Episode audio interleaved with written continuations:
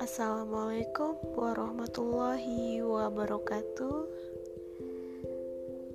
Saya Feldisa Skarulandari akan menemani kalian dalam Suara Hari.